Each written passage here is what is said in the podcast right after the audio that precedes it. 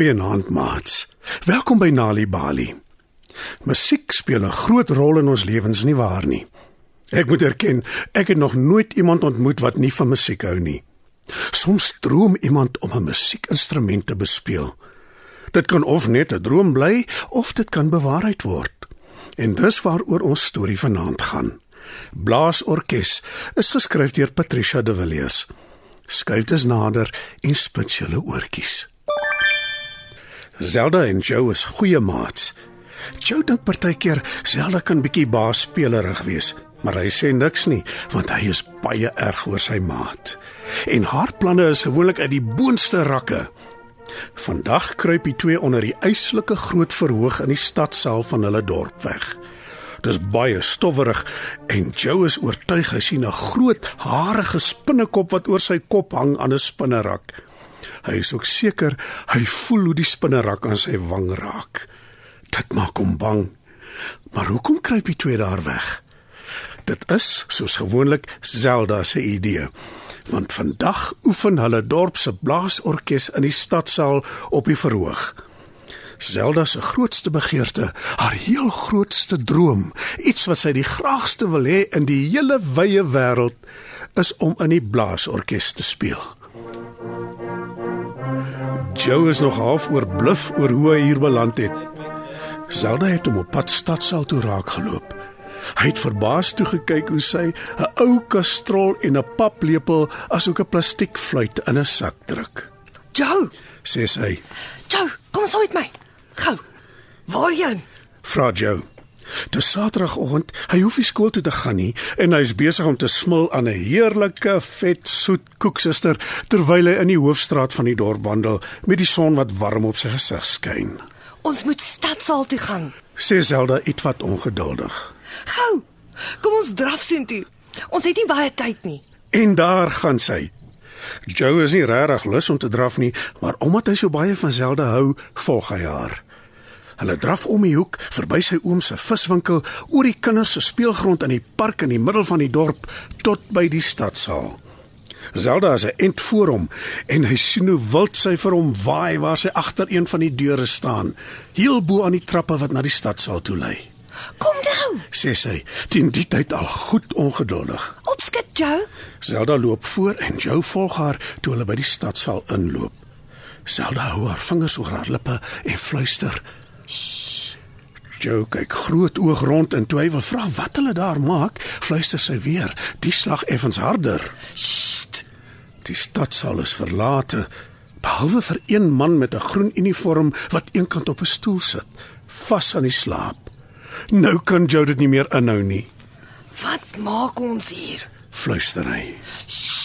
Sê Zelda weer en kruip hande vier voet by die klein deur onder die verhoog in. Fluister sy vir Joe. Joe is regtig nie lus om in die donker ruimte onder die verhoog in te kruip nie, maar hy knyp sy oë toe en hy volg Zelda blindelings. Na ruk maak hy sy oë oop. Hy kan dit nie meer verduur nie. Sê my tog wat maak ons hier Zelda? Fluister Joe benoud. Ek is bang. Ek is seker hier is spinnekoppe, groot spinnekoppe en baie van hulle. Moenie 'n sissie wees nie. Fluister Zelda terug. Ons gaan in die blaasorkes speel. Hier. Vat so. Hier's jou trom. Zelda gee die ou kastrol en die houtlepel vir Joe. Toe hoor die twee harde stemme in die stadsaal. Hulle hoor hoe stoele rondgeskuif word op die verhoog. En toe hoor hulle die blaasorkes. Skielik weer klink daar die geluid van 'n trompet en 'n groot trom en die harde geskaal van simbale. Dit klink alles baie deurmekaar. Maar dan val die orkes weg en al die musiekinstrumente begin saamspeel in volmaakte harmonie. Dit is baie opwindend. Kom, Joe, ons moet saam speel. Roep Zelda opgewonde uit en sy begin blaas op haar plastiekfluit. Sy sien Joe reageer nie en sy sê Waar verwag jy, Joe? Slaan jou trom. Joe begin slaan op die ou kastrol met die paplepel. Zelda blaas al harder en harder op haar fluit. En toe, skielik, hou die orkes op speel. Maar Zelda en Joe is so meegevoer dat hulle lustig aanhou om musiek te maak. Na ruk kom hulle wel agter die orkes speel nie meer nie en hou dadelik op. Iets is nie lekker nie. Dit klink asof iemand vals speel. Hoor die twee iemand sê. Dis beslis nie een van ons nie. Dit kom van onder die verhoog. Hoor hulle 'n ander stem sê. Zelda en Joe bly choopstil. Maar toe hoor hulle die deur onder die verhoog oopgaan en hulle sien hoe iemand inloer. Ek sien niks nie. Sê die meisie. Zelda en Joe kruip al dieper weg in die donker ruimte onder die verhoog. Maar o wee, die stof kiel Joe se neus en hy kan homself nie verhelp nie. Achoo! Achoo! Achoo! Hy nies 3 keer hard. Kom uit daar, wie jy ook al is. Sê 'n ander stem kwaai. Of moet ek jou kom haal? Want dan is daar groot moeilikheid, dit beloof ek jou. Zelda en Joe kruip stadig en baie skuldig uit en gaan staan voor die verhoog. Hulle is stowwerig en daar is inderdaad spinnerakke in hulle hare, nes Joe gevrees het. Al die lede van die blaasorkes kyk die twee streng aan. Hulle is geklee in swart baadjies met blinkknope en dra parmantige pette. Joe en Zelda probeer hulle musiekinstrumente agter hulle rug wegsteek. Wie is julle? En wat maak julle hier? vra 'n kort man met 'n yslike snor kwaai. Hy het spierwit handskoene aan en hy tik tik ongeduldig met 'n stokkie teen sy een been. Moenie ontslaan nie asseblief. Stamel Joe. Moenie belaglik wees nie. Dis teen die wet. Dit is my dirigeerstok. Toe. Wie is julle? En hoekom is julle hier? Ons wil graag saam speel. Sê Zelda versigtig. Ek wou nog van altyd af in die orkes gespeel het, vandat ek kan onthou. Lave kinders. Sê die dirigent ongeduldig. Dis tyd dat julle verkas. Hy klim van die verhoog af, vat die twee aan hulle arms en wil hulle by die stadsaal uitlei. Wag 'n bietjie. Sê een van die orkeslede. As hulle graag saam met ons wil speel, hoekom nie? Kom ons gee hulle twee 'n kans. Dirigent laat los hulle arms en dink 'n oomblik na. Toe vra hy vir Zelda. Kan jy enigiets anders speel as 'n plastiekfluit? Zelda kyk groot oog na hom. En wat van jou? Sê hy en hy kyk na Joe. Jy kan tog nie op 'n kastrol wil trom speel nie? Zelda en Joe kyk bewerig hoe die dirigent terugklim op die verhoog en 'n groot houtkus oopmaak. Hy wink die twee kinders nader en hulle klim ook op die verhoog. Die dirigent haal 'n metaal driehoek uit die kus en hy oorhandig dit aan Zelda. Toe haal hy 'n tamboerijn uit en hy gee dit vir Joe. Zelda is na aan trane.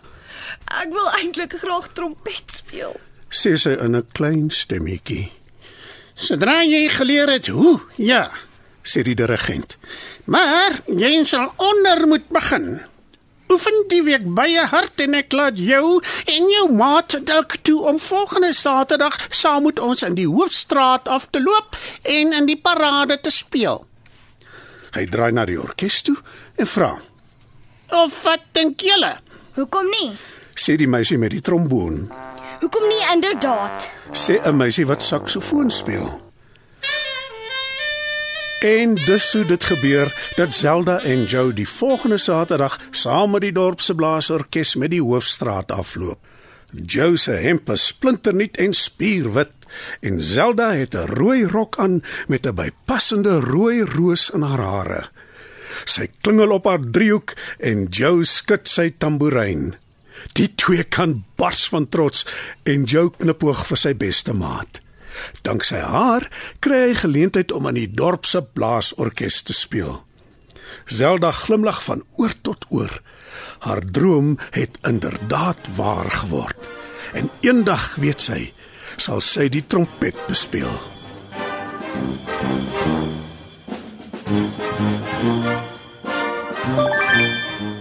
Wanneer kinders tuistories hoor, help dit hulle om beter leerders te word op skool. Vir meer stories om vir kinders voor te lees of vir stories wat kinders self kan lees, besoek ons by www.nalibali.mobi. Daar is heelwat stories in verskeie tale absoluut gratis beskikbaar. Daar is ook wenke oor hoe om stories vir kinders te lees en met hulle te deel sodat hulle hulle volle potensiaal kan ontwikkel. Nali Bali is ook op Facebook. En daar is Nali Bali stories en aktiwiteite in bylaas van koerante. Story Power. Bring dit huis toe.